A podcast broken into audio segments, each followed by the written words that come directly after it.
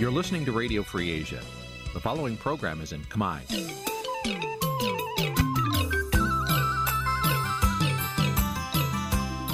Nǐ ជាកម្មវិធីផ្សាយ Vuthu Azizi Serai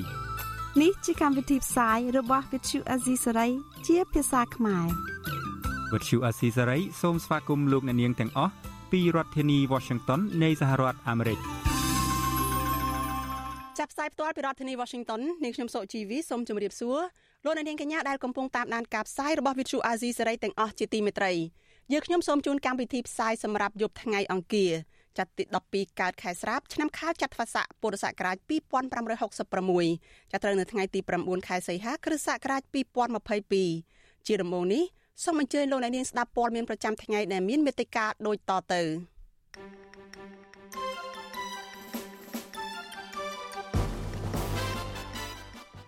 គ្រួសារជនរងគ្រោះលោកដួងដាន់ដែល PM ចុះខាត់នឹងប្រើហិង្សារហូតស្លាប់ទាមទារយុត្តិធម៌គណៈបានយោបាយ5ក្រុងជួបគ្នាជជែកពីគម្រោងរួបរวมគ្នាគ្រួសារនិងក្រុមយុវជនដាក់ញត្តិទៅក្រសួងមហាផ្ទៃសូមកិច្ចអន្តរាគមន៍បញ្ជូនមន្ត្រីបកប្រឆាំងលោកគង់សំអាន ទៅព្យាបាលជំងឺនៅក្រៅពន្ធនាគារ វេទិកានៃស្ដាប់វិទ្យុអាស៊ីសេរីនៅយប់នេះនឹងពិភាក្សាអំពីការទទួលខុសត្រូវអំពីការធ្វើរបាយការណ៍ខុសកាប់ពិតនៅព្រៃតំបន់ភ្នំតាម៉ៅរួមនឹងព័ត៌មានសំខាន់សំខាន់មួយចំនួនទៀត។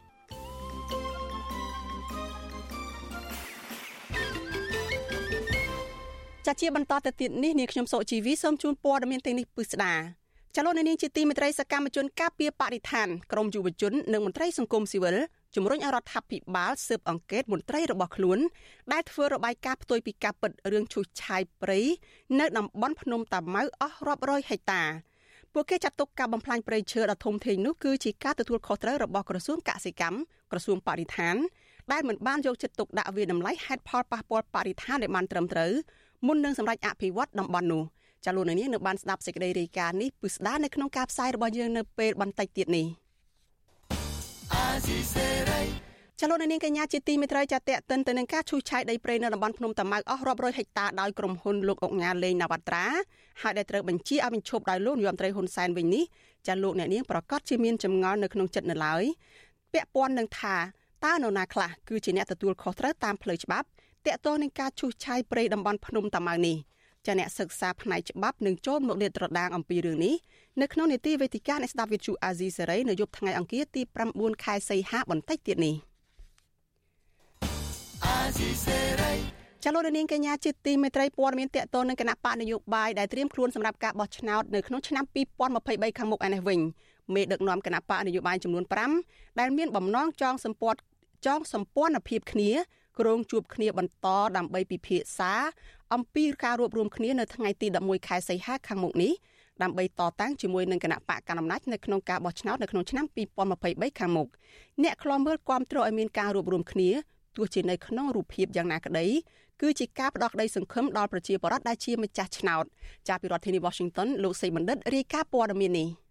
គណៈកម្រងចងសម្ព័ន្ធភាពនៃគណៈបកក្រៅរដ្ឋាភិបាលទាំង5មិនទាន់ចេញរូបរាងនៅឡើយ មេដឹកនាំគណៈបកមួយចំនួន បានបង្ហាញពីរូបមន្តផ្សេងផ្សេងនៃការចងសម្ព័ន្ធភាពនេះនិងកំពុងស្វាស្វែងធ្វើការងារជាមួយគ្នា ដោយរំពឹងថាសម្ព័ន្ធភាពនេះអាចកើតឡើងមុនការបោះឆ្នោតឆ្នាំ2023ខាងមុខស្ថាបនិកគណៈបកកែតម្រង់កម្ពុជាលោកអ៊ូចាន់រតឲ្យវិទ្យុអស៊ីសេរីដឹងនៅថ្ងៃទី9ខែសីហាថា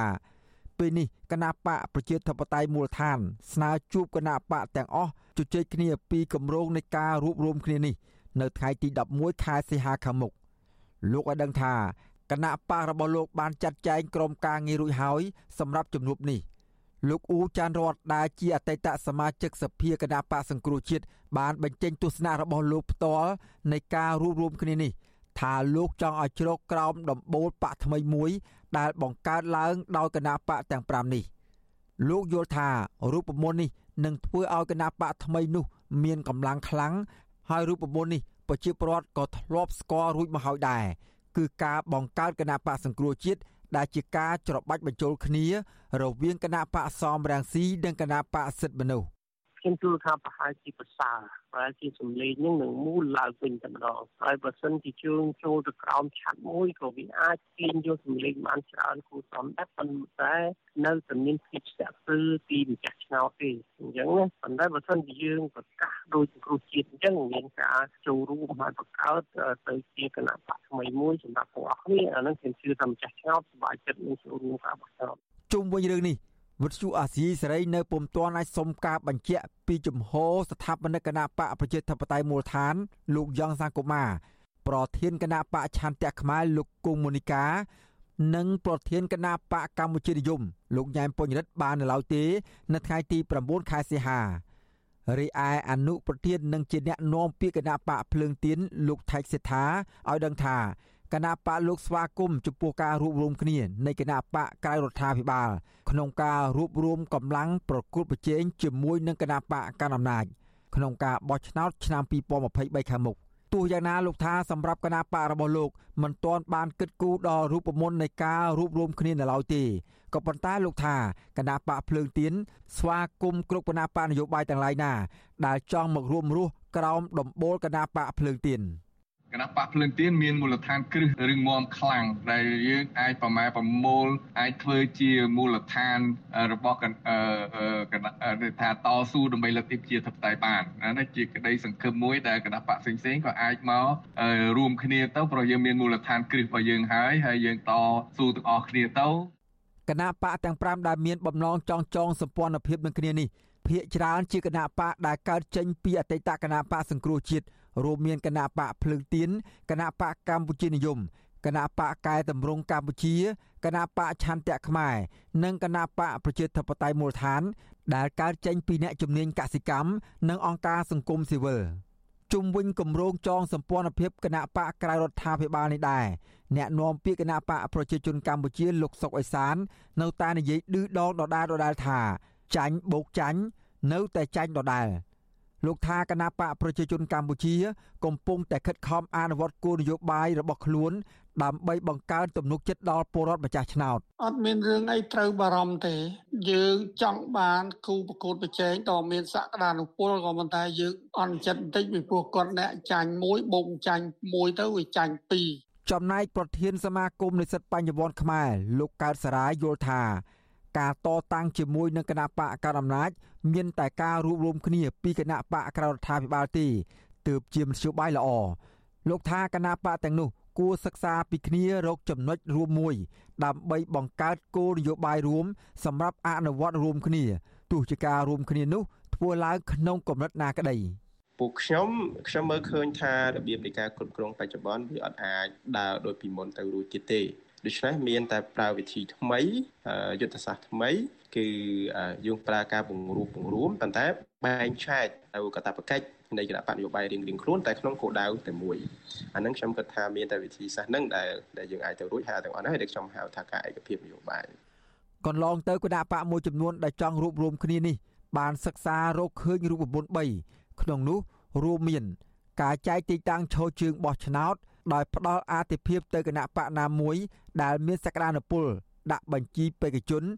ប៉ុន្តែគណៈបកផ្សេងមិនដាក់បញ្ជីបេក្ខជនឬក៏ដាក់បញ្ជីឈ្មោះដែរប៉ុន្តែមិនធ្វើការឃោសនារោគសម្លេងឆ្នោតនោះទេ ទី2គណៈបកសម្ព័ន្ធមិត្តរួបរวมគ្នា ដាក់ប្រមូលបេក្ខជនរៀងរៀងខ្លួន ទៅក្នុងបញ្ជីតែមួយ នៅក្នុងគណៈបកណាមួយ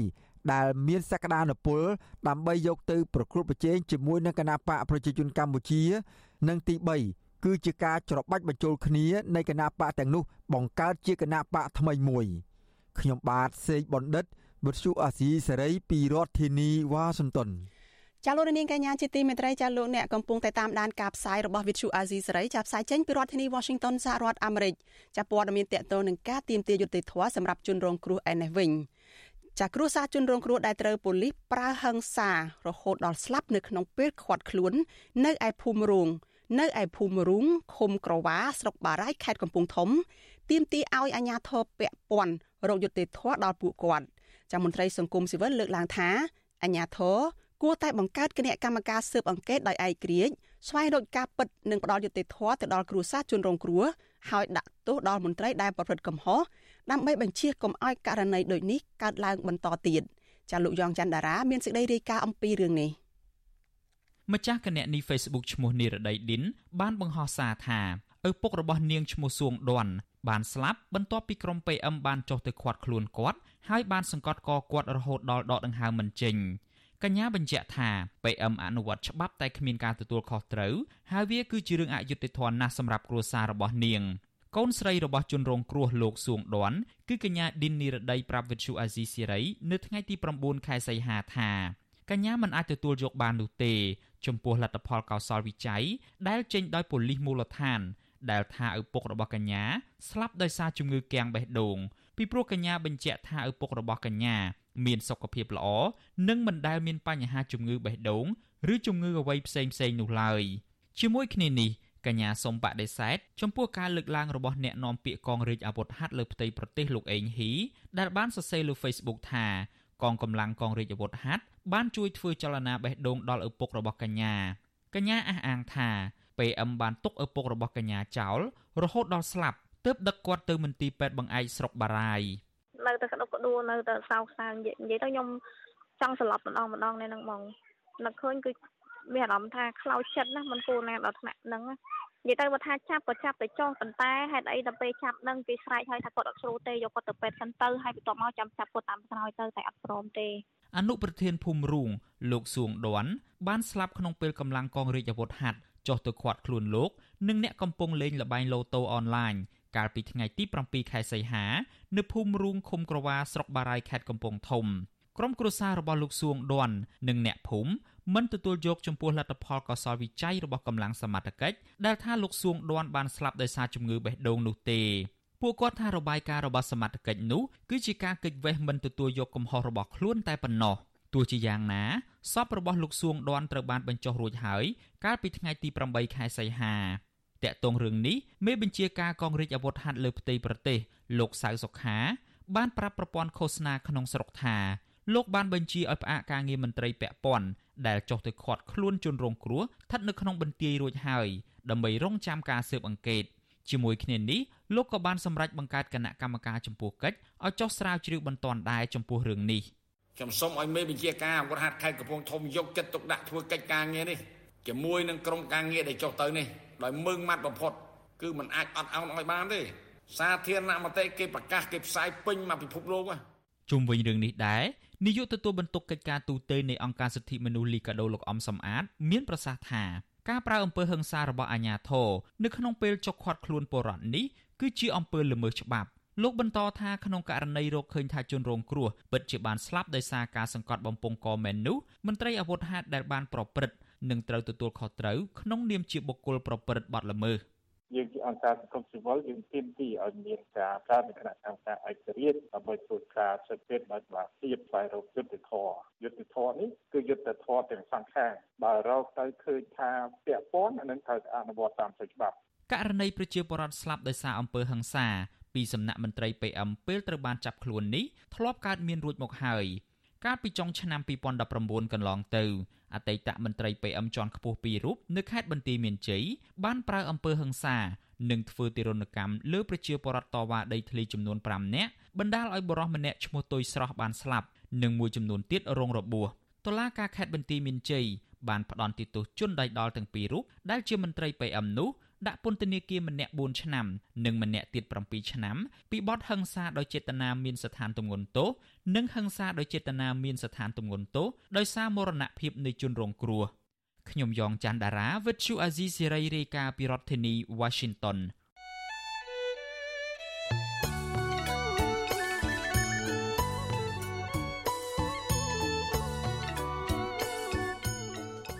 លោកនាងកញ្ញាប្រិយមិត្តជាទីមេត្រីចាដំណើរគ្នានឹងការផ្សាយផ្ទាល់តាមបណ្ដាញសង្គម Facebook និង YouTube នេះចាលោកនាងក៏អាចស្ដាប់ការផ្សាយរបស់ Vithu Azizi សេរីចាតាមរយៈ Vithu រលកធាតុអាកាសខ្លីចា SW តាមកម្រិតនិងកម្ពស់ដូចតទៅនេះចាប់ពេលព្រឹកចាប់ពីម៉ោង5កន្លះដល់ម៉ោង6កន្លះតាមរយៈរលកធាតុអាកាសខ្លី12140 kHz ស្មើនឹងកម្ពស់ 25m និង13715 kHz ស្មើនឹងកម្ពស់ 22m ពេលយប់ចាប់ពីម៉ោង7កន្លះដល់ម៉ោង8កន្លះ តាមរយៈរលកធាតុអាកាសខ្លី9960 kHz ស្មើនឹងកម្ពស់ 20m និង12140 kHz ស្មើនឹងកម្ពស់ 25m និង11885 kHz ស្មើនឹងកម្ពស់ 25m ចលនានាងជាទីមេត្រីចាប់ព័ត៌មានដាច់ដライមួយទៀតគ្រួសារនិងក្រុមយុវជនបាននាំគ្នាដាក់ញត្តិជូនរដ្ឋមន្ត្រីក្រសួងមហាផ្ទៃគីឡូសខេង ស្នើសុំអន្តរាគមន៍ដើម្បីអនុញ្ញាតឲ្យមន្ត្រីគណៈបកសង្គ្រោះជាតិនៅក្នុងខេត្តត្បូងឃ្មុំគឺលោកគង់សំអាន បានទៅពិនិត្យនិងព្យាបាលជំងឺឲ្យបានទាន់ពេលវេលា ដើម្បីបញ្ជៀសគ្រោះថ្នាក់ដល់អាយុជីវិតមន្ត្រីជាន់ខ្ពស់ពន្ធនាគារអះអាងថាអាជ្ញាធរកំពុងតែត្រៀមបញ្ជូនលោកគង់សំអាន ទៅព្យាបាលនៅមន្ទីរពេទ្យខាងក្រៅនៅក្នុងពេលឆាប់ៗនេះហើយដោយរងចាំតែការអនុញ្ញាតពីតុលាការតែប៉ុណ្ណោះចលនាទីនសការីយ៉ាមានសេចក្តីរាយការណ៍អំពីរឿងនេះ គ្រួសារនិងក្រុមយុវជនខ្មែរថាវរៈប្រមាណជា10នាក់បាននាំគ្នាដាក់ញត្តិមួយច្បាប់ជូនរដ្ឋមន្ត្រីក្រសួងមហាផ្ទៃលោកសខេងនៅរសៀលថ្ងៃទី9សីហាដើម្បីស្នើសុំជួយអន្តរាគមន៍យកមន្ត្រីបកប្រឆាំងលោកកុងសំអានមកសម្រាប់ព្យាបាលជំងឺនៅមន្ទីរពេទ្យខាងក្រៅពុទ្ធនេគារឲ្យបានឆាប់ពួកគេសោកស្ដាយខ្លាំងចំពោះមន្ត្រីពន្ធនាគារមិនយកចិត្តទុកដាក់ឬមិនឆ្លើយតបនឹងសំណើរបស់ជនជាប់ឃុំដែលកំពុងតែធ្លាក់ខ្លួនឈឺធ្ងន់ធ្ងរ ខ្លឹមសារញត្តិដែលមានស្នាមមេដៃអ្នកគាំទ្រ20នាក់បានលើកឡើងថាបច្ចុប្បន្នលោកកុងសំអានមានជំងឺលើសឈាម និងជំងឺមាត់ធ្មេញធ្ងន់ធ្ងរដោយពួកគេអះអាងថាគ្រូពេទ្យក្នុងពន្ធនាគារមិនយកចិត្តទុកដាក់ព្យាបាលជំងឺឲ្យបានត្រឹមត្រូវនោះទេបើទោះបីជាលោកកុងសំអានធ្លាប់ស្នើសុំមន្ត្រីពន្ធនាគារចេញមកព្យាបាលជំងឺនៅមន្ទីរពេទ្យខាងក្រៅជាច្រើនលើកច្រើនសារក៏ដោយក្នុងញត្តិនោះឲ្យដឹងថាលោកកុងសំអាន ដែលមានវ័យចំណាស់កំពុងទទួលរងទុក្ខលំបាកជាច្រើនទៀតនៅក្នុងបន្ទប់ឃុំឃាំងដូចជាសភាពរាងកាយទ្រុឌទ្រោមស្គមស្គាំងដោយសារពិសាមិនបាន សម្រានមិនលក់ជាដើមទន្ទឹមនឹងនេះពួកគេក៏ស្នើសុំឲ្យអគ្គនាយកដ្ឋានពន្ធនាគារនៃក្រសួងមហាផ្ទៃយកចិត្តទុកដាក់ចំពោះបញ្ហាសុខភាពជនជាប់ឃុំទាំងអស់ឲ្យស្របតាមច្បាប់កំណត់ផងដែរយុវជនខ្មែរថាវរៈដែលទើបតែចេញពីពន្ធនាគារលោកហ៊ុនវណ្ណៈប្រាប់វិទ្យុអាស៊ីសេរីក្រោយពីដាក់ញត្តិថា មន្ត្រីក្រសួងមហាផ្ទៃបានចេញមកទទួលញត្តិនេះហើយដោយសន្យាថានឹងបញ្ជូនទៅថ្នាក់លើពិនិត្យនិងឆ្លើយតបត្រឡប់មកវិញលោកឲ្យដឹងថាថ្មីថ្មីនេះក្រុមយុវជនទៅសួរសុខទុក្ខលោកកុងសំអាននៅក្នុងពន្ធនាគារឃើញមាត់គាត់មានបញ្ហាសុខភាពធ្ងន់ធ្ងរដូច្នេះលោកសង្ឃឹមថារដ្ឋមន្ត្រីក្រសួងមហាផ្ទៃនឹងជួយអន្តរាគមន៍តបតាមសំណើរបស់ពួកលោកដើម្បីឲ្យលោកកុងសំអានបានព្យាបាលជំងឺនៅមន្ទីរពេទ្យខាងក្រៅពន្ធនាគារ ភាសាជាប់ពន្ធនាគារហើយឈឺហើយគេអត់បញ្ជូនទៅពេទ្យប្រពន្ធនោះក៏ឈឺកូននោះក៏ឡើងមកពីខេត្តដាប់ទៅដួសអញ្ចឹងមានន័យថាវាគួរឲ្យអាក្រក់មើលមែនតើណាដែលមន្ត្រីអាជ្ញាធរដែលមានសមត្ថកិច្ចរឿងហ្នឹងគាត់អត់បានបំពេញតួនាទីបានល្អណាហើយបើរឿងហ្នឹងมันមានដំណោះស្រាយទេខ្ញុំថាមនុស្សចូលរួមច្រើនណានឹងគេហៅថាសម្ដែងមតិរឿងហ្នឹងប្រពន្ធរបស់លោកកុងសំអាន គឺលោកស្រីអៀបសួរលើកឡើងថាមូលហេតុដែលលោកស្រីនិងយុវជនចេញដាក់ញត្តិទៅក្រសួងមហាផ្ទៃនៅពេលនេះ ដោយសារប្តីលោកស្រីកំពុងតែធ្លាក់ខ្លួនឈឺធ្ងន់នៅក្នុងពន្ធនាគារអស់រយៈពេលជាច្រើនខែមកហើយតែពុំមានអាជ្ញាធរណាម្នាក់អើពើនឹងដោះស្រាយតាមសំណើរបស់ប្តីលោកស្រីឡើយលោកស្រីអៀបសួរព្រួយបារម្ភពីអក្ខរជំងឺប្តីជាខ្លាំងដែលខ្លាចប៉ះពាល់ដល់អាយុជីវិតបើមិនបានយកចិត្តទុកដាក់និងថែទាំព្យាបាល ឲ្យបានត្រឹមត្រូវពីក្រុមគ្រូពេទ្យជំនាញជាបន្ទាន់ទៅនោះក៏ក៏ប្រាប់ខ្ញុំថាឲ្យខ្ញុំសុំខាងប្រធានពន្ធនាគារឲ្យគាត់ទៅជាបាលផងខ្ញុំបារម្ភណាស់ខ្ញុំបារម្ភខ្លាចគាត់រំមិនបានខ្ញុំគ្មានអ្នកទីពឹងទេ មានតែអស់លោកណាជួយ ជួយព្រោះអីកូនចៅរបស់លោកដែរតើសិតតែខ្មែរដូចគ្នាខ្មែរស្រឡាញ់ខ្មែរមិនអាចយកខ្មែរធ្វើជាសត្រូវបានទេក្រៅពីដាក់ញត្តិស្នើសុំកិច្ចអន្តរាគមន៍ពីក្រសួងមហាផ្ទៃប្រពន្ធនិងកូនកូនរបស់លោកកុងសំអាន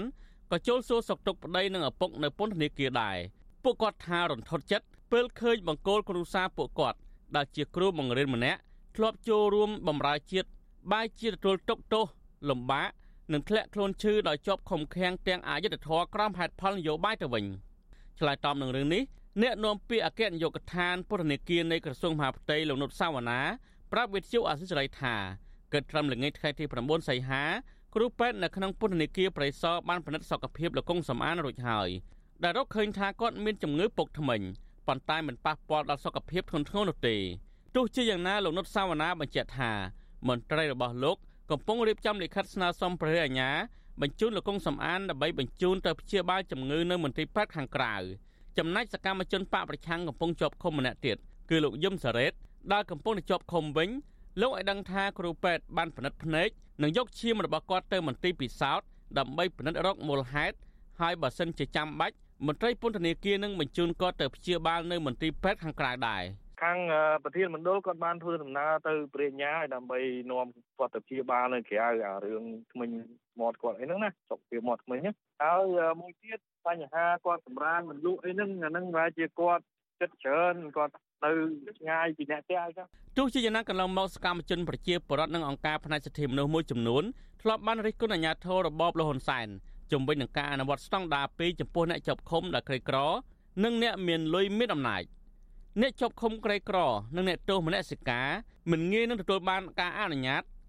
ឲ្យសម្រាប់ព្យាបាលនៅមន្ទីរពេទ្យខាងក្រៅឡើយទោះជាប្រកាសឈឺធ្ងន់ធ្ងរក៏ដោយផ្ទុយទៅវិញអ្នកជាប់ឃុំខ្លះដែលជាអក្រិតជន តែមានលុយឬមានអំណាចអាចទទួលបានការអនុញ្ញាតឲ្យសម្រាប់ព្យាបាលរយៈពេលវែងនៅមន្ទីរពេទ្យខាងក្រៅពន្ធនាគារជាឧទាហរណ៍ដូចជាអង្គញាថោងសរ៉ាត់ដែលត្រូវបានតុលាការក្រុងភ្នំពេញផ្តន្ទាទោសដាក់ពន្ធនាគារអស់មួយជីវិតក្នុងរឿងក្តីបាញ់សម្លាប់អង្គញាអឹងមេងជឺកាលពីឆ្នាំ2014នោះបានជាប់ក្នុងពន្ធនាគារមិនដល់មួយសប្តាហ៍ផង រួចក៏ត្រូវបានគេបញ្ជូនមកស្នាក់នៅបន្ទប់ VIP នៅក្នុងមន្ទីរពេទ្យខាងក្រៅពន្ធនាគារទៅវិញ រហូតដល់ថ្ងៃសាលាឧទ្ធរសម្រេចដោះលែងឲ្យនៅក្រៅឃុំ កាលពីខែវិច្ឆិកាឆ្នាំ2019ទៀតផងរីឯបងប្រុសបង្កើតរបស់លោកគិតមេងវិញ គឺលោកគិតធៀងក៏ដូចគ្នាដែរតុលាការក្រុងភ្នំពេញបានកាត់ទោសឲ្យជាប់ពន្ធនាគារ4ឆ្នាំក្នុងករណីជួញដូរគ្រឿងញៀនជិត50គីឡូក្រាមប៉ុន្តែលោកជាប់ឃុំបានជាប្រមាណកន្លះខែក៏ត្រូវបានគេបញ្ជូនឲ្យទៅស្នាក់នៅក្នុងបន្ទប់ VIP នៅមន្ទីរពេទ្យខាងក្រៅពន្ធនាគារ រហូតទាល់តែសាលាឧទ្ធរកាត់តម្រំទោសមកនៅ2ឆ្នាំហើយដោះលែងលោកនៅក្នុងឆ្នាំ2021តែទៅនឹងបញ្ហានេះប្រធានសមាគមការពារសិទ្ធិមនុស្សអាត6លោកនីសុខាមានប្រសាសន៍ថាជនជាប់ឃុំទាំងអស់មានសិទ្ធិទទួលបានសេវាសុខភាពថែទាំនិងការផ្តល់ចំណីអាហារត្រឹមត្រូវដោយបរិវត្តនៅខាងក្រៅពន្ធនាគារដែរបើទោះបីជាពួកគេបាត់បង់សិទ្ធិសេរីភាពដើរហើរក៏ដោយលោកថាបើជនជាប់ឃុំទាំងនោះមានបញ្ហាសុខភាព អាជ្ញាធរត្រូវប្រញាប់បញ្ជូនពួកគេទៅពិនិត្យព្យាបាលឲ្យបានឆាប់បើសិនជាពន្ធនាគារមិនមានលទ្ធភាពឬក៏ពេទ្យនៅក្នុងពន្ធនាគារមិនមានលទ្ធភាពប្រាមើលគាត់ទេត្រូវតែបញ្ជូនគាត់ទៅព្យាបាលនៅខាងក្រៅអានឹងជាគោលការណ៍ដែលធានាទៅដល់សិទ្ធិរបស់ជនជាប់ឃុំដែលគាត់ទទួលមានបញ្ហាសុខភាពលោកកុងសំអានអាយុ70ឆ្នាំ គឺជាអតីតគ្រូបង្រៀននិងជាសមាជិកក្រុមប្រឹក្សាស្រុកមេមត់គណៈបកសង្គ្រោះជាតិ លោកត្រូវបានអាជ្ញាធរចាប់ខ្លួនកាលពីដើមខែកញ្ញាឆ្នាំ2020តុលាការខេត្តត្បូងឃ្មុំបានផ្តន្ទាទោសលោកឲ្យជាប់ពន្ធនាគារចំនួន7ឆ្នាំពីបទរួមគំនិតក្បត់ដោយសារតែលោកបានគាំទ្រនយោបាយរបស់ថ្នាក់ដឹកនាំគណៈបកប្រឆាំងនិងហូបនំបញ្ចុកជុំគ្នាជាមួយសមាជិកដទៃទៀតនៃគណៈបកសង្គ្រោះជាតិជាពិសេសលោកបានគាំទ្រដំណើរវិលចូលស្រុកវិញរបស់លោកសំរងស៊ីកាលពីខែវិច្ឆិកាឆ្នាំ2019ថ្មីថ្មីនេះតុលាការកំពូលបានតម្កល់សេចក្តីសម្រេច របស់តុលាការជាន់ក្រោមដែលបានកាត់ទោសឲ្យលោកកុងសំអានជាប់ពន្ធនាគារ7ឆ្នាំដដែលដែលសហគមន៍ជាតិអន្តរជាតិថាការកាត់ក្តីនេះជារឿងនយោបាយខ្ញុំធីនសាការីយ៉ាអស៊ីសេរីប្រធានីវ៉ាស៊ីនតោន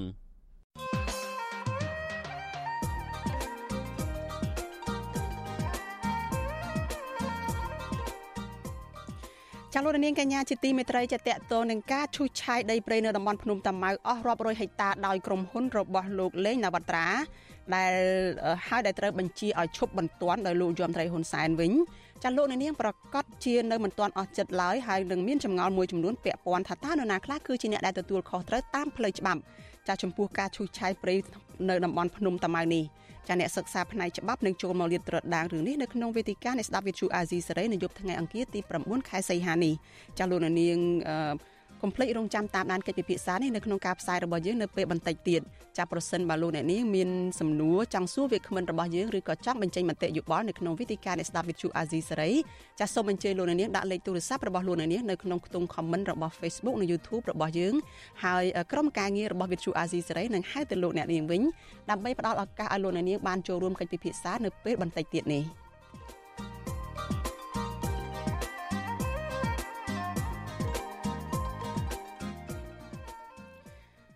ចាលោកនាងកញ្ញាជាទីមេត្រីចាពាក់ព័ន្ធនឹងរឿងរ៉ាវនៅភ្នំតាម៉ៅនេះដែរសកម្មជនការពារបរិស្ថានក្រមយុវជន និងមន្ត្រីសង្គមស៊ីវិលជំរុញឲ្យរដ្ឋាភិបាលស៊ើបអង្កេតមន្ត្រីរបស់ខ្លួន ដែលបានធ្វើរបាយការណ៍ផ្ទុយពីការពិតរឿងឈូសឆាយដីព្រៃនៅឧស្សាហជាតិភ្នំតាម៉ៅ អស់រាប់រយហិកតាពួកគេចាត់ទុកការបំផ្លាញព្រៃឈើដ៏ធំធេងនេះគឺជាការទទួលខុសត្រូវរបស់ក្រសួងកសិកម្មក្រសួងបរិស្ថាន ដែលមិនបានយកចិត្តទុកដាក់វិតម្លៃហេតុផលប៉ះពាល់បរិស្ថានឲ្យបានត្រឹមត្រូវមុននឹងសម្រេចអភិវឌ្ឍនៅតំបន់នោះចាលោកមានរិទ្ធរាយការណ៍អំពីរឿងនេះសកម្មជនការពីបរិស្ថានក្រមយុវជន និងមន្ត្រីអង្គការសង្គមស៊ីវិលបន្តទាមទារឲ្យរដ្ឋាភិបាលស៊ើបអង្កេតដោយឯករាជ្យ ដើម្បីវែកមុខមន្ត្រីពាក់ព័ន្ធមួយចំនួន ដែលមិនបានយកចិត្តទុកដាក់បំពេញតួនាទីត្រឹមត្រូវក្នុងការបម្រើជាតិដោយស្មោះត្រង់ស្របតាមច្បាប់តាក់ទងទៅនឹងករណីឈូសឆាយព្រៃអភិរក្សនៅតំបន់ភ្នំតាម៉ៅអស់ប្រមាណជាង600ហិកតាប្រធានសមាគមការពារសិទ្ធិមនុស្សអាត់ហុកលោកនីសុខា ប្រាវិសុយស៊ីស្រីនៅថ្ងៃទី9ខែសីហាថា បញ្ហានេះពុំមែនជារឿងលេងសើចនោះទេ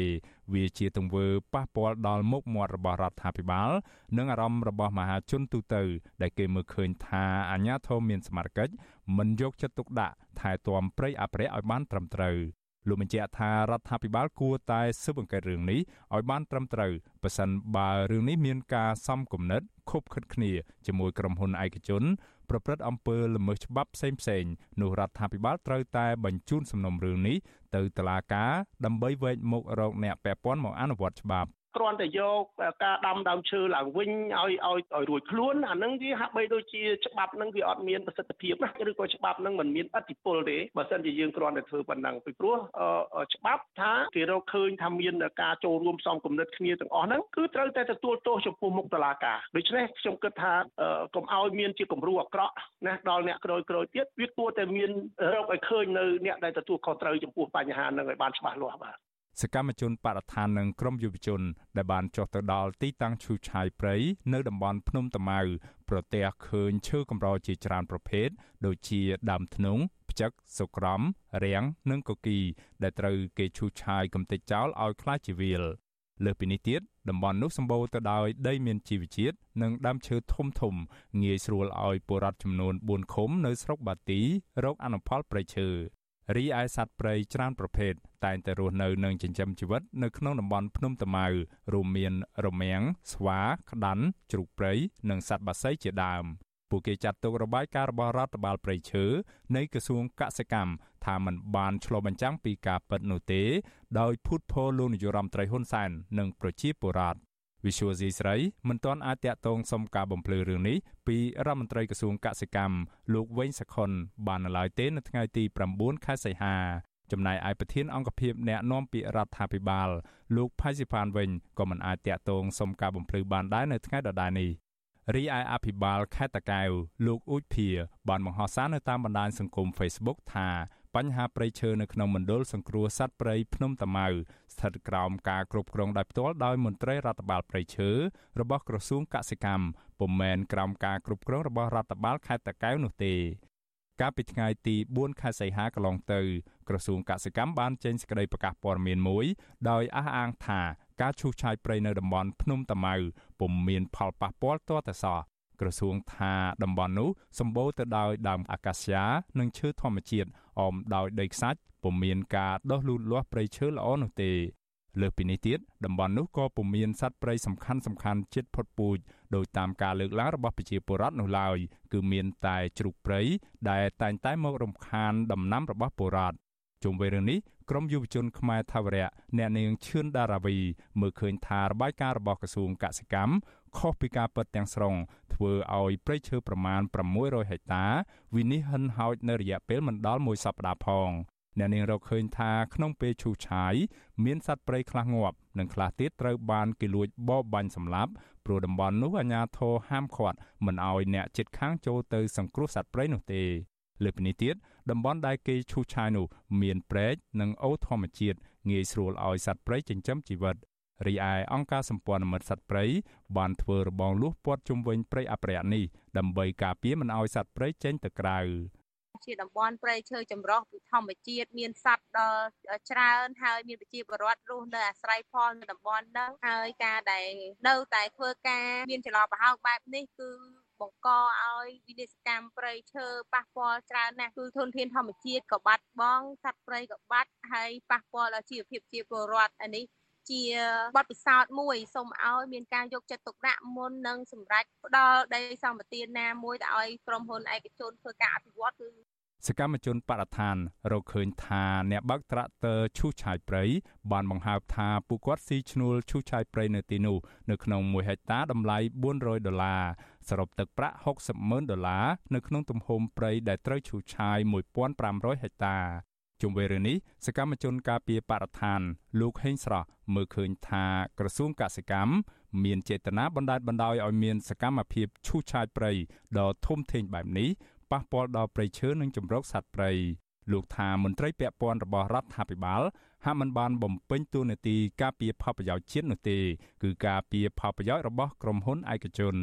រាជរដ្ឋាភិបាលគួរតែពិនិត្យមើលពិនិត្យបច្ច័យមើលទៅរឿងទាំងអស់ហ្នឹងថាវាជារឿងត្រឹមត្រូវវាក៏វាជារឿងមួយដែលធ្វើឲ្យបំផ្លាញនៅសម្បត្តិរបស់រាជរដ្ឋាភិបាលដូចជាបញ្ហាប្រៃឈើដូចជាបញ្ហាធនធានធម្មជាតិដូចជាបញ្ហាអីផ្សេងផ្សេងមន្ត្រីទាំងអស់ហ្នឹងអត់ដែលមានសមត្ថភាពក្នុងការដោះស្រាយឲ្យវាល្អប្រសើរទេភាគច្រើនគឺតែងតែទម្លាក់កំហុសទៅជំទី3បាទកាលពីសប្តាហ៍មុនលោកនាយរដ្ឋមន្ត្រីហ៊ុនសែនបានបង្ហោះសារតាមរយៈទំព័រ Facebook របស់លោកថាត្រូវលុបចោលគម្រោងអភិវឌ្ឍតំបន់ភ្នំតាម៉ៅក្រោយពីមានប្រតិកម្មពីមហាជនយ៉ាងច្រើន លោកបន្តថាត្រូវរក្សាទុកតំបន់នេះជាកន្លែងអភិរក្សសម្រាប់ក្មេងចំនួនក្រោយឡើងវិញចំណែកអ្នកជំនាញអភិរក្សសត្វព្រៃនៅអង្គការសម្ព័ន្ធមិត្តសត្វព្រៃលោកនិចម៉ាកមានប្រសាសន៍នៅក្នុងវីដេអូឃ្លីបកាលពីពេលកន្លងទៅថាសួនសត្វនៅសហរដ្ឋអាមេរិកនិងអឺរ៉ុបបានច្រណែនភ្នំតាម៉ៅដោយសារតែឧទ្យានសត្វភ្នំតាម៉ៅមានព្រៃធម្មជាតិទំហំ2300ហិកតាព័ទ្ធជុំវិញ បង្កលក្ខណៈងាយស្រួលឲ្យសត្វអាចដើរលេងកម្សាន្តបែបធម្មជាតិ លោកថាភ្នំតាម៉ៅគឺជាសួនសត្វល្អតែមួយគត់សម្រាប់សង្គ្រោះសត្វនិងបង្កកំណើតសត្វព្រៃកម្រព្រមទាំងជាកន្លែងតាក់ទាញភ្ញៀវទេសចរជាតិឆ្ងាយមកមើលសម្បត្តិធម្មជាតិនៅកម្ពុជាឧស្សាហជាតិសួនសត្វភ្នំតាម៉ៅនិងមជ្ឈមណ្ឌលសង្គ្រោះសត្វព្រៃភ្នំតាម៉ៅមានផ្ទៃដី2300ហិកតាត្រូវបានចុះបញ្ជីជាតំបន់អភិរក្សពីក្រសួងកសិកម្មកាលពីឆ្នាំ1995តំបន់នោះមានប្រាង្គប្រាសាទបុរាណ ព្រៃភ្នំធម្មជាតិនិងជាសួនសត្វដ៏ធំនៅក្នុងប្រទេសកម្ពុជា ដោយមានផ្ទៃដីអមព្រៃព្រឹក្សាព្រែកនិងអូរធម្មជាតិផ្ដល់អំណោយផលល្អប្រសើរដល់សត្វព្រៃរស់នៅនិងចិញ្ចឹមជីវិតសួនសត្វនៅទីនោះតាំងបង្ហាញប្រភេទសត្វកម្រជាច្រើនប្រភេទឲ្យអ្នកទេសចរចូលទស្សនារួមមានដូចជាពស់ថ្លាន់ក្រពើខ្លាតោដំរី ស្វានិងខ្លាឃ្មុំជាដើមខ្ញុំបាទមេរិត Visual C ស្រី រាយការណ៍ពីរដ្ឋធានី Washington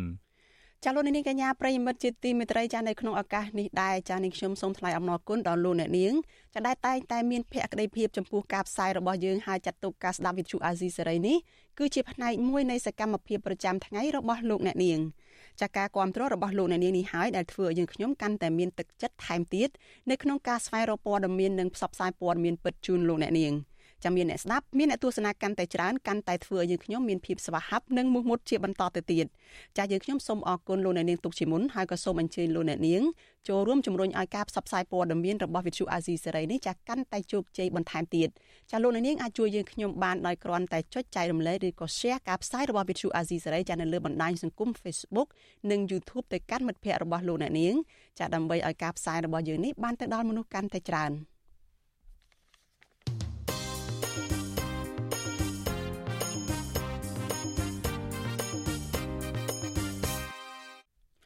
ចាលោកនាងជាទីមេត្រីសេចក្តីរាយការណ៍ពីខេត្តក្រចេះឯណោះឲ្យដឹងថាប្រជាសហគមន៍ដែលជាអ្នកអភិរក្សផ្សោតនៅឯព្រែកកំពីខេត្តនេះសោកស្ដាយកូនផ្សោតចាដែលបានដែលមានទម្ងន់ជិត10គីឡូក្រាមមានអាយុជាង1ខែ បានងាប់នៅជិតអន្លង់ផ្សោតព្រែកកំពីកាលពីពេលថ្មីថ្មីនេះតំណាងសហគមន៍អភិរក្សព្រែកកំពីលោកឈ្នៀងលនប្រាប់វិទ្យុអាស៊ីសេរីនៅថ្ងៃទី9ខែសីហាថាបច្ចុប្បន្ននេះ ការនេសាទដោយប្រើអគ្គិសនីឆក់ក្តៅនិងត្រជាក់នៅតែកើតមានច្រើនហើយការបង្ក្រាបមានតិចតួចនៅឡើយលោកថាឧបករណ៍ឆក់ដើម្បីចាប់យកត្រីគឺជាមូលហេតុធ្វើឲ្យកូនផ្សោតនេះងាប់ជាថ្មីទៀតព្រោះតំបន់ដែលផ្សោតរស់នៅគឺជាកន្លែងដែលសម្បូរត្រីដែលក្រុមជនល្មើសតែងតែលួចឆក់ជាញឹកញាប់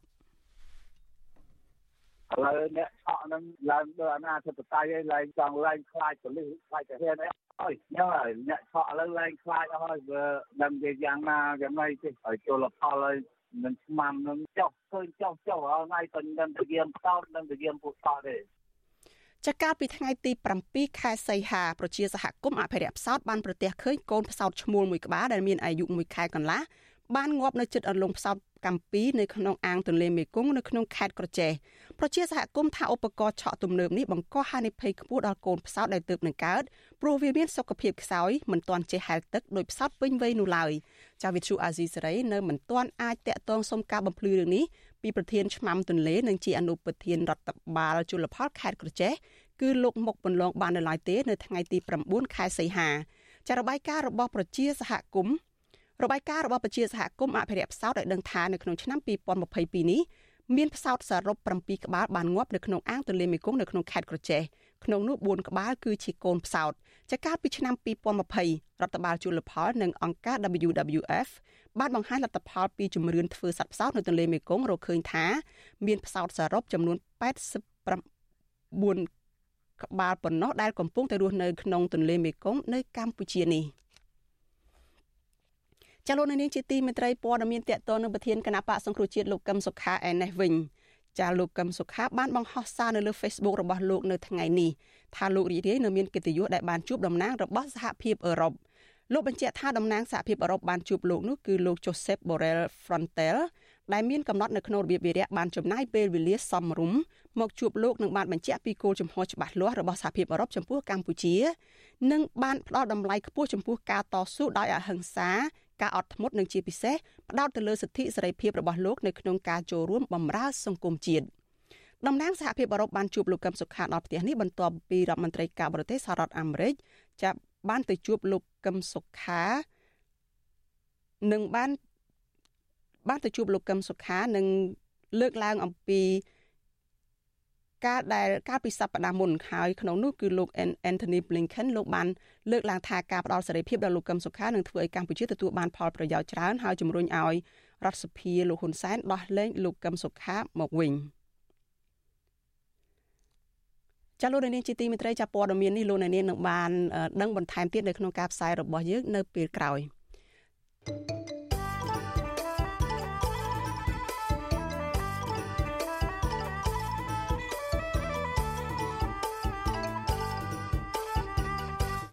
ចាលោកនាងជាទីមេត្រីចាលោកអ្នកទើបតែបានស្ដាប់ព័ត៌មានប្រចាំថ្ងៃរបស់វិទ្យុអាស៊ីសេរីចាដែលជម្រាបជូនដោយនាងខ្ញុំសុជីវី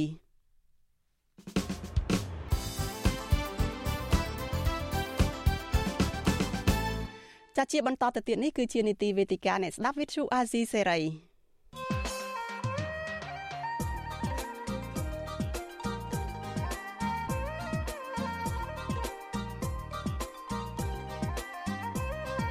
វេទិកាអ្នកស្ដាប់វិទ្យុអាស៊ីសេរី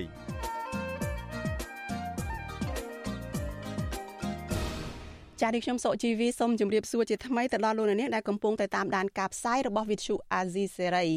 ចា៎នៅក្នុងវេទិកាវេទិកាអ្នកស្ដាប់វិទ្យុអាស៊ីសេរីនៅយប់នេះចា៎យើងនឹងលាតត្រដាងថាតើនរណាខ្លះគឺជាអ្នកដែលទទួលខុសត្រូវតាមផ្លូវច្បាប់តាក់ទងនឹងការឈូសឆាយដីព្រៃនៅតំបន់ភ្នំតាម៉ៅ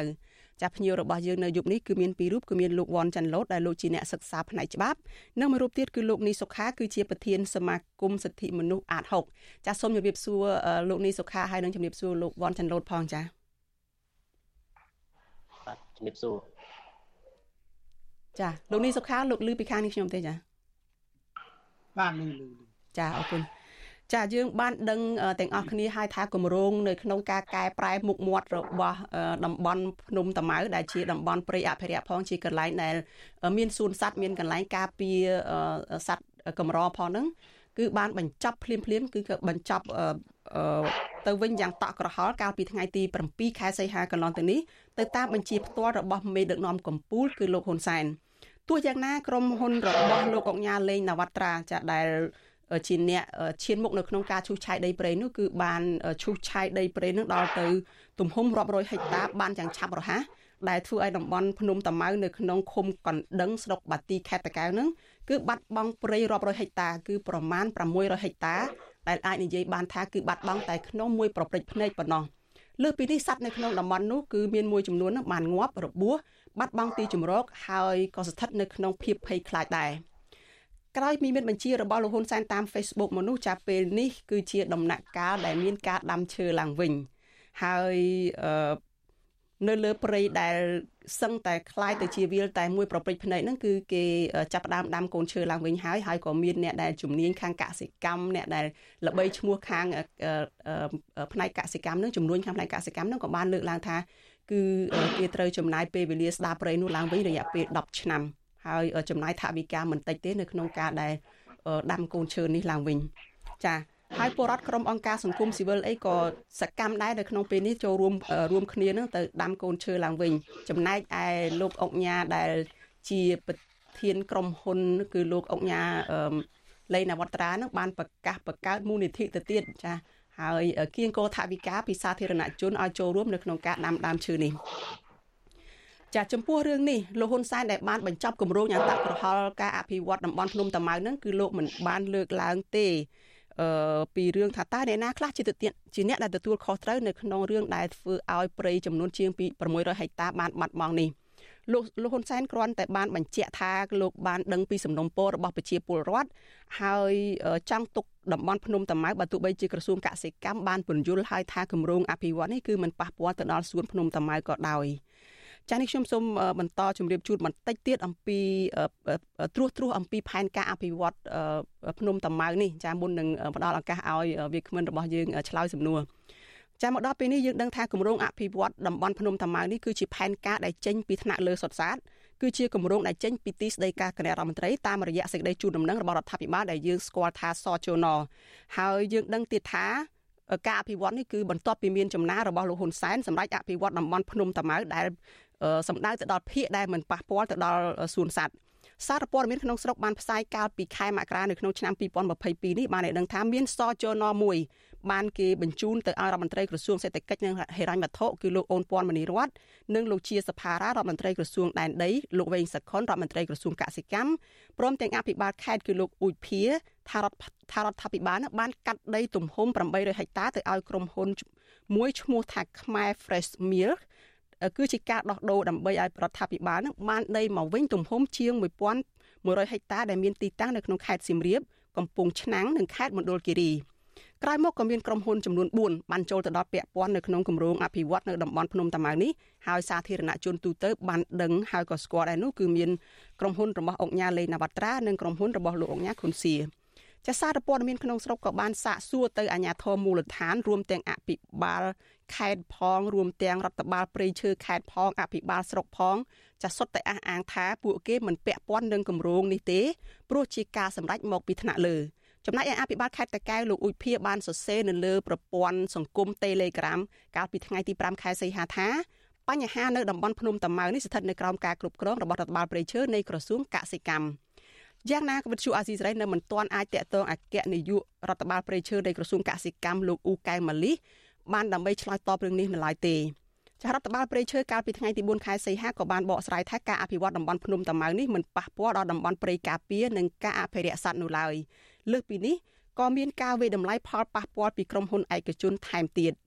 ប៉ុន្តែនេះខ្ញុំក៏មានព័ត៌មានជាក់លាក់មួយទៀតចាពីសារព័ត៌មានក្នុងស្រុកដែរគឺកាលពីខែមេសា ខែមេសានៅក្នុងឆ្នាំ2022នេះចារដ្ឋមន្ត្រីក្រសួងកសិកម្មគឺលោកវែងសុខុនលោកបានផ្ញើលិខិតមួយទៅពន្យល់លោកប៊ិនឈិនដែលជាត្រាក់ដឹកនាំនៅឯទីស្តីការគណៈរដ្ឋមន្ត្រីនឹងបញ្ជាក់ជាថ្មីម្ដងទៀតថាការអភិវឌ្ឍនៅតំបន់ភ្នំតាម៉ៅនេះគឺមិនជន់ទៅលើដីឧស្សាហសត្វសួនសត្វនិងមណ្ឌលសង្គ្រោះសត្វព្រៃឡើយចាអ្វីដែលនេះខ្ញុំបានជម្រាបជូននេះគឺបង្ហាញថាអ្នកដែលពាក់ព័ន្ធនៅក្នុងគម្រោងអភិវឌ្ឍនេះគឺផ្ដើមចេញពីក្រសួងកសិកម្ម ហើយស្នើទៅស្នើទៅទីស្តីការគណៈមន្ត្រីគឺស្នើទៅរដ្ឋាភិបាលហើយបន្ទាប់មករដ្ឋាភិបាលសម្រេចដែលមានចំណារបស់លោកហ៊ុនសែនហើយគម្រោងនេះក៏ចាប់ផ្ដើម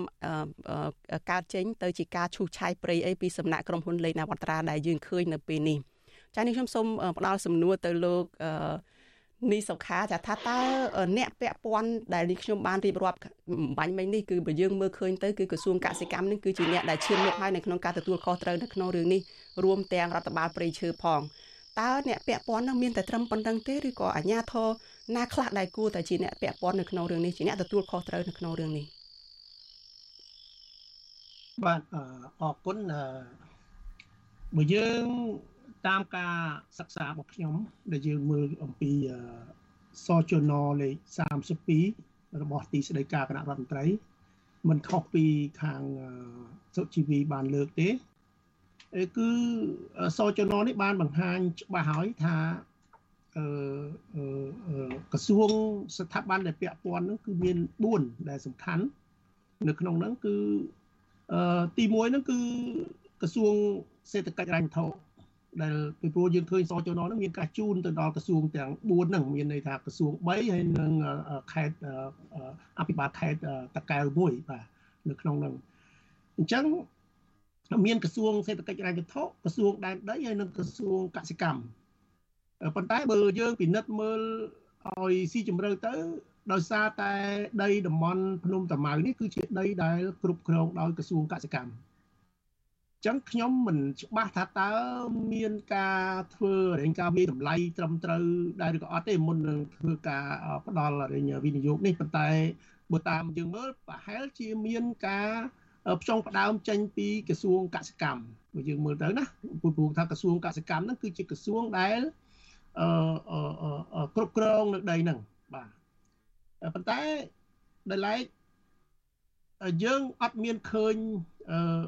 ក្រសួងមួយទៀតដែលជាក្រសួងស្ថាប័នដែលសំខាន់នោះគឺក្រសួងបរិស្ថានបាទហើយអញ្ចឹងខ្ញុំមានការដូចជាអឺមើលទៅឃើញអសចូលណហ្នឹងហាក់បីដូចជាមានការងឿងឆ្ងល់ដែរខ្ញុំមិនដឹងថាវិធីក្នុងការកាត់ផ្ទេផ្ទូដោះដូរដីហ្នឹងវាត្រូវឆ្លងកាត់យ៉ាងម៉េចទេប៉ុន្តែបើយើងមើលនៅក្នុងច្បាប់ស្ដីពីការគេហៅថាច្បាប់ស្ដីពីការគ្រប់គ្រងកិច្ចការងារបរិស្ថានពីព្រោះថារឿងនេះវា បើយើងមើលពីពីទស្សនវិជ្ជានៃបាផលប៉ះពាល់នេះគឺវាប៉ះពាល់សំខាន់ទៅលើរឿងបរិស្ថាន បាទដែលទៅលើបញ្ហាប្រៃឈើបញ្ហាសត្វព្រៃបាទនិងបញ្ហាមួយចំនួនទៀតបាទអញ្ចឹងវាពាក់ព័ន្ធសំខាន់ណាស់ទៅនឹងក្រសួងបរិស្ថានអឺដែលជាទូទៅនៅក្នុងច្បាប់ស្តីពីការគ្រប់គ្រងបរិស្ថានមុននឹងធ្វើការផ្ទេរផ្ទូដីឬក៏ធ្វើការដោះដូរក៏ដោយធ្វើការវិនិយោគអីក៏ដោយ ត្រូវតែមានការសិក្សាផលប៉ះពាល់ជាមុនពីក្រសួងបរិស្ថានប៉ុន្តែដល់ពេលយើងមើលឃើញនៅក្នុងសចននេះក៏ខ្ញុំហាក់បីដូចជាងឿងឆ្ងល់ដែរពីព្រោះថាវាអត់មានពាក់ព័ន្ធជាមួយនឹងក្រសួងបរិស្ថានទេណានៅក្នុងក្នុងរឿងនេះអញ្ចឹងថាតើសចននេះវាចេញមកយ៉ាងម៉េចខ្ញុំក៏មិនច្បាស់ដែរមិនដឹងថាតើក្រសួងបរិស្ថានមានការចូលរួមវាតម្លៃកម្រិតប៉ុណ្ណាទេប៉ុន្តែជាទូទៅគឺច្បាប់គឺត្រូវតែមានការចូលរួមវាតម្លៃពីក្រសួងបរិស្ថាន ដូច្នេះខ្ញុំឃើញថាការធ្វើសចននេះគឺវាមានលក្ខណៈមួយគេថាអឺមុននឹងឃើញយើងឃើញចេញនៅសចននេះយើងឃើញថាមានអឺសចននេះមានចេញពីការស្នើសុំបាទស្នើការស្នើសុំដោះដូរដីហ្នឹងហើយមានការអឺឯកភាពពីរៀងចំណាឯកភាពពីនាយករដ្ឋមន្ត្រីទៀតបាទនៅក្នុងសចននេះហើយយើងក៏មិនដឹងថាតើ លោកនាយករដ្ឋមន្ត្រីមុននឹងលោកមានចំណាឯកភាពដែលដែលរុញទៅឲ្យខុតតការឡៃលោកចេញជាសេចក្តីសម្រេចណាចេញជាជាឲ្យខុតតការឡៃចេញជាសេចក្តីសម្រេចដែលប្រគល់ដីនឹងនឹងគាត់ថាតើលោកនាយករដ្ឋមន្ត្រីលោកបានឃើញអំពីរបាយការណ៍នៃការវាយតម្លៃនឹងកម្រិតប៉ុណ្ណាទេក៏យើងអត់បានដឹងដែរពីព្រោះនៅក្នុងសចន 32នេះគឺអត់មានចង្អុលបង្ហាញពីការវាយតម្លៃអ្វីទាល់តែសោះបាទដូច្នេះខ្ញុំមិនដឹងថាតើលោកមុននឹងចុះហត្ថលេខាដែលធ្វើចំណាដែលឯកភាពក្នុងការស្នើសុំដោះដូរដីហ្នឹងលោកបានមើលអំពីការវាយតម្លៃរបស់ក្រសួងមួយណាទេខ្ញុំយើងក៏អត់ឃើញមានឯកសារអីទាំងអស់បាទដូច្នេះបើយើងមើលនៅក្នុងចំណុចនេះគឺថាមានការឆ្គាំឆ្គងនៅក្នុងផ្លូវច្បាប់ណាពីព្រោះថា ការផ្ដល់វិនិយោគមួយដែលអត់មានការវាយតម្លៃការឆ្លងកាត់ការវាយតម្លៃឲ្យបានត្រឹមត្រូវដែលវាប្រឆាចាអំពីគោលការណ៍នៃច្បាប់ស្ដីពីការគ្រប់គ្រងការពារបរិស្ថានស្ដីពីការការពារបរិស្ថានបាទអានេះវាជារឿងមួយដែលមានការខុសឆ្គងទៅនឹងដំណើរការនៃនីតិវិធីហើយក្នុងនឹងឯងដែលយើងមិនដឹងច្បាស់ថាតើអឺ ជាទូទៅគឺស្ថាប័នដែលវាមានការពាក់ព័ន្ធទាំងអស់ហ្នឹងដែលត្រូវតែមានការទទួលខុសត្រូវដូចជាយើងឃើញមានស្ថាប័នពាក់ព័ន្ធមួយចំនួនដូចជាខាងក្រសួងកសិកម្មខាងក្រសួងសេដ្ឋកិច្ចហិរញ្ញវត្ថុនិងខាងរួមទាំងខុទ្ទកាល័យនាយករដ្ឋមន្ត្រីហើយនឹងទីស្តីការគណៈរដ្ឋមន្ត្រីទៀតត្រូវតែចូលរួមទទួលខុសត្រូវប៉ុន្តែអ្នកដែលដើមចមក្នុងការទទួលខុសត្រូវដំបូងគេនោះ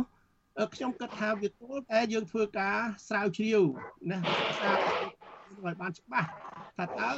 ណាដើមនៅក្នុងកិច្ចការងារទាំងអស់នោះអញ្ចឹងការទទួលខុសត្រូវវាមានតាមកម្រិតទោះបីថាវាមានត្រូវតែមានការទទួលខុសត្រូវជាមិនផុតទេប៉ុន្តែវាត្រូវទទួលទៅតាមកម្រិតនៃការទទួលខុសត្រូវអញ្ចឹងណាចាចាចាអឺតែយើងបើកការស្រាវជ្រាវបាទឲ្យមានការស៊ើបអង្កេតអីបានត្រឹមត្រូវបាទក្នុងរឿងហ្នឹងចា មានអ្នកស្ដាប់យើងដាក់សំណួរច្រើននៅក្នុង Facebook ដែលកំពុង live ផ្ទាល់នេះចាហើយសំណួរមួយចំនួននេះខ្ញុំបានឃើញហ្នឹងក៏បានលើកឡើងថាតើមានច្បាប់ដាក់ទោសតួនមន្ត្រីដែលទៅឈូសដែលបង្កើតឲ្យមានការឈូសឆាយព្រៃការពារព្រៃធម្មជាតិនឹងយ៉ាងណាខ្លះហើយគាត់ចង់ដឹងថាតើច្បាប់នឹងមានមានការដាក់ទោសទណ្ឌអីយ៉ាងម៉េចទៅទៀតទៅដល់អ្នកដែល ដែលបានប្រព្រឹត្តហើយអ្នកដែលទទួលខុសត្រូវដោយដែលលោកនីសុខាបានលើកឡើងអញ្ចឹងថាអាចជាប់ពាក់ព័ន្ធតាំងពីលោកយមត្រីហ៊ុនសែនចាទីស្តីការគណៈរដ្ឋមន្ត្រីមន្ត្រីនៅទីស្តីការគណៈរដ្ឋមន្ត្រីចាមន្ត្រីនៅក្រសួងពាក់ព័ន្ធមានក្រសួងបរិស្ថានក្រសួងកសិកម្មក្រសួងហិរញ្ញវត្ថុហើយនឹងមនុស្សមួយចំនួនទៀតចាតកតងទៅនឹងការរាយការណ៍ឬការផ្ដល់ព័ត៌មាននានាពីតំបន់ភ្នំតាម៉ៅនេះ ចាហើយក៏មានអ្នកលើកឡើងដែរនៅក្នុងបណ្ដាញសង្គម Facebook នឹងថាបទល្មើសព្រៃឈើគឺជាបទឧក្រិដ្ឋដែលត្រូវតែទទួលខុសត្រូវចំពោះមុខច្បាប់ចាសូមងាកទៅលោកវ៉ាន់ចាន់ឡូតវិញតើតើគេអាចដាក់ទោសទណ្ឌបានយ៉ាងណាខ្លះទៅចាពីអ្នកដែលបានប្រព្រឹត្តធ្វើឲ្យមានការឈូសឆាយដីព្រៃដល់ទៅជិត600ហិកតានៅភ្នំតាម៉ៅនេះចាច្បាប់ស្ដីពីព្រៃឈើនៅកម្ពុជាយើងគឺមានចែងច្បាស់ អំពីការផាកពិន័យឬក៏ការដាក់ទោសទណ្ឌទៅដល់ជនទាំងឡាយណា ដែល ប្រព្រឹត្តនៅបទល្មើសព្រៃឈើបាទមានរហូតឈានទៅដល់ការដាក់ពន្ធនាគារថែមទៅទៀតបាទហើយក្នុងនោះក៏លើកឡើងអំពីអាជ្ញាធរដែលជាអ្នករួមគំនិតឬក៏ជាអ្នកផ្ដល់ចេញសេចក្តីសម្រេចដើម្បីឲ្យមាននៅ ការប្រព្រឹត្តនៅបទល្មើសហ្នឹងតារហូតឈានទៅដល់ក្រុមហ៊ុនឯកជន អញ្ចឹងកន្លែងនេះបើនិយាយទៅវាជាសមត្ថកិច្ចរបស់តុលាការប្រសិនបើករណីថាយើង មានតុលាការដែល អាចផ្ដល់យុត្តិធម៌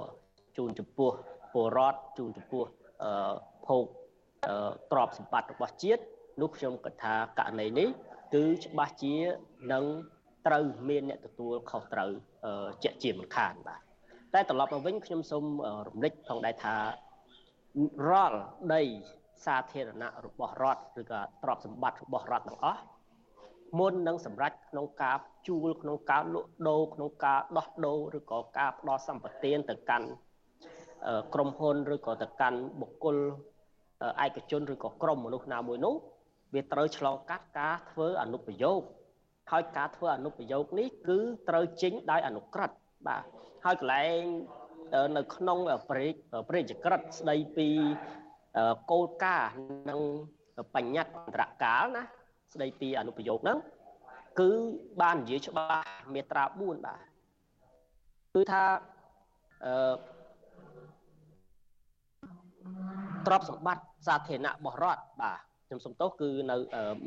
នេះហ្នឹងគឺត្រូវតែ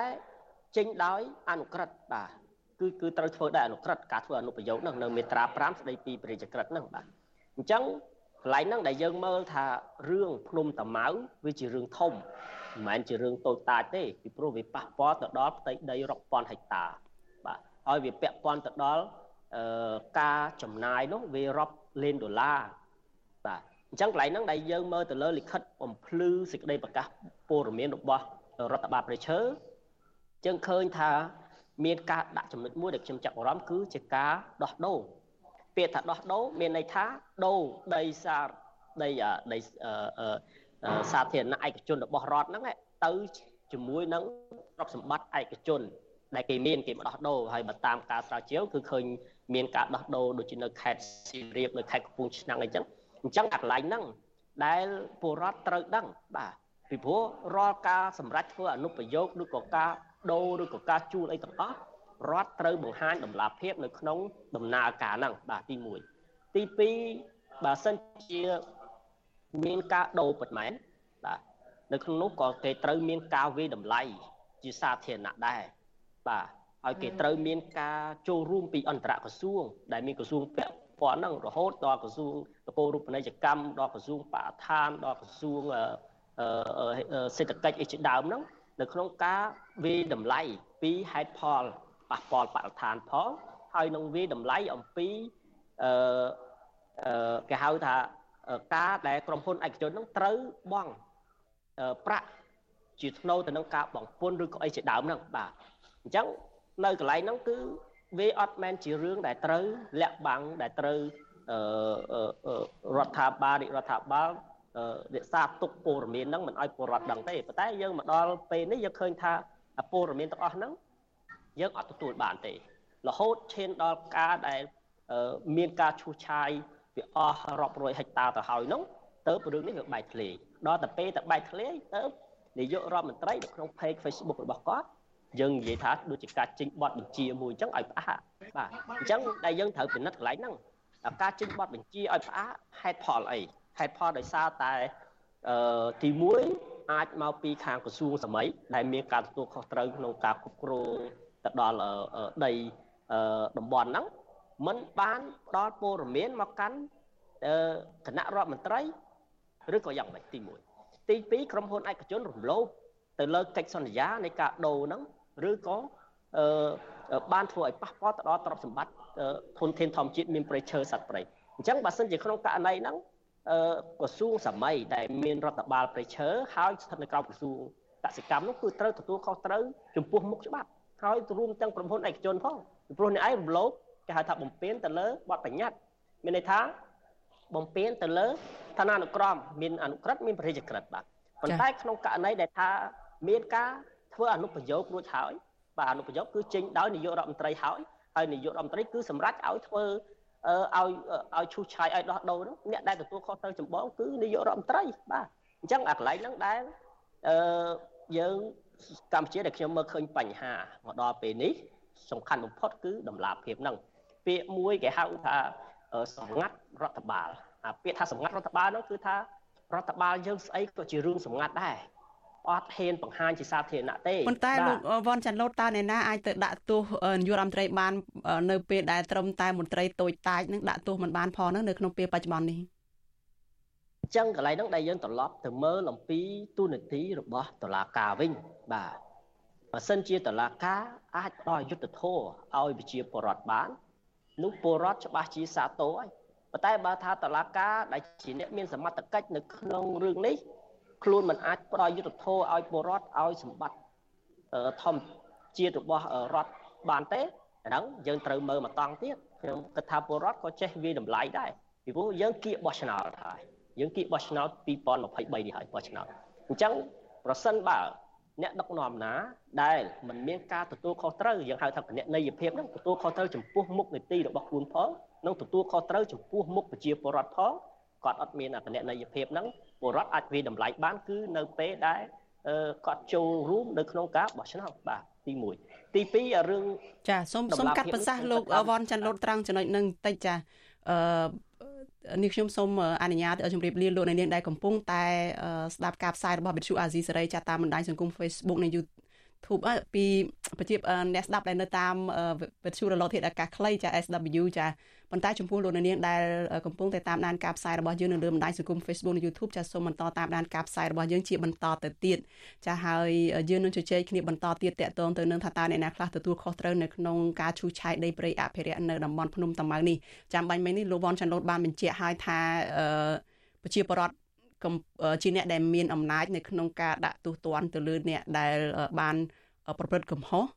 ហើយក្នុងនឹងនៅពេលដែលតុលាការមិនឯករាជ្យនៅពេលដែលអាជ្ញាធរពាក់ព័ន្ធមិនយកចិត្តទុកដាក់ដោះស្រាយបញ្ហានេះដូច្នេះប្រជាពលរដ្ឋមានអំណាចចាសសូមអញ្ជើញបន្តចាស់លោកវ៉ាន់ចាន់លូនឡើយមួយទៀតដែលខ្ញុំចង់លើកឡើងអំពីដំណាភាពហ្នឹងដែលខ្ញុំលើកឡើងថាកម្ពុជានៅតែប្រើនៅអាកូនការចាស់ហៅថាសម្ងាត់នៃរដ្ឋបាលហ្នឹង ព័ត៌មានស្អីក៏យើងអត់បង្ហាញឲ្យពលរដ្ឋបានដឹងដែរអាហ្នឹងហើយដែលវានាំឲ្យទី1នៅពេលដែលរដ្ឋាភិបាលចេះតែធ្វើអីទៅពលរដ្ឋគាត់អត់មានទំនុកចិត្តទេមកកាន់រដ្ឋាភិបាលពីព្រោះវាអត់មានដំណាភាពបាទហើយនឹងមួយទៀតការដែលកង្វះព័ត៌មាននឹងហើយវាធ្វើឲ្យការសម្រេចចិត្តគឺមិនត្រឹមត្រូវបាទយើងតែងតែលើកថាអាជ្ញាធរថ្នាក់ក្រោមតែងតែធ្វើរបាយការណ៍មកថ្នាក់លើខុសពីការពិត ខ្ញុំខ្ញុំគិតថារឿងហ្នឹងមានការលើកឡើងហ្នឹងវាយូរទៅហើយហេតុអីបានជាយើងអាចបណ្តែតបណ្ដោយឲ្យរឿងហ្នឹងវានៅតែកើតឡើងក្រែងថាយើងមានអ្នកជំនាញមន្ត្រីជំនាញដើម្បីធ្វើការចុះទៅសិក្សាដោយផ្ទាល់តែអីមុននឹងយើងអាចនិយាយថាអាជ្ញាធរថ្នាក់ក្រោមហ្នឹងធ្វើរបាយការណ៍ប្រឌិតដើម្បីចេះតែទទួលបានផលប្រយោជន៍ពីខ្លួនហ្នឹងបាទអញ្ចឹងកន្លែងហ្នឹងវាជារឿងសំខាន់ហើយកិច្ចដែលយើងត្រូវកែប្រែសំខាន់ចំពោះមុខនោះគឺតម្លាភាពហ្នឹងហើយ ពីព្រោះប្រទេសគេដូចនៅប្រទេសបារាំងអី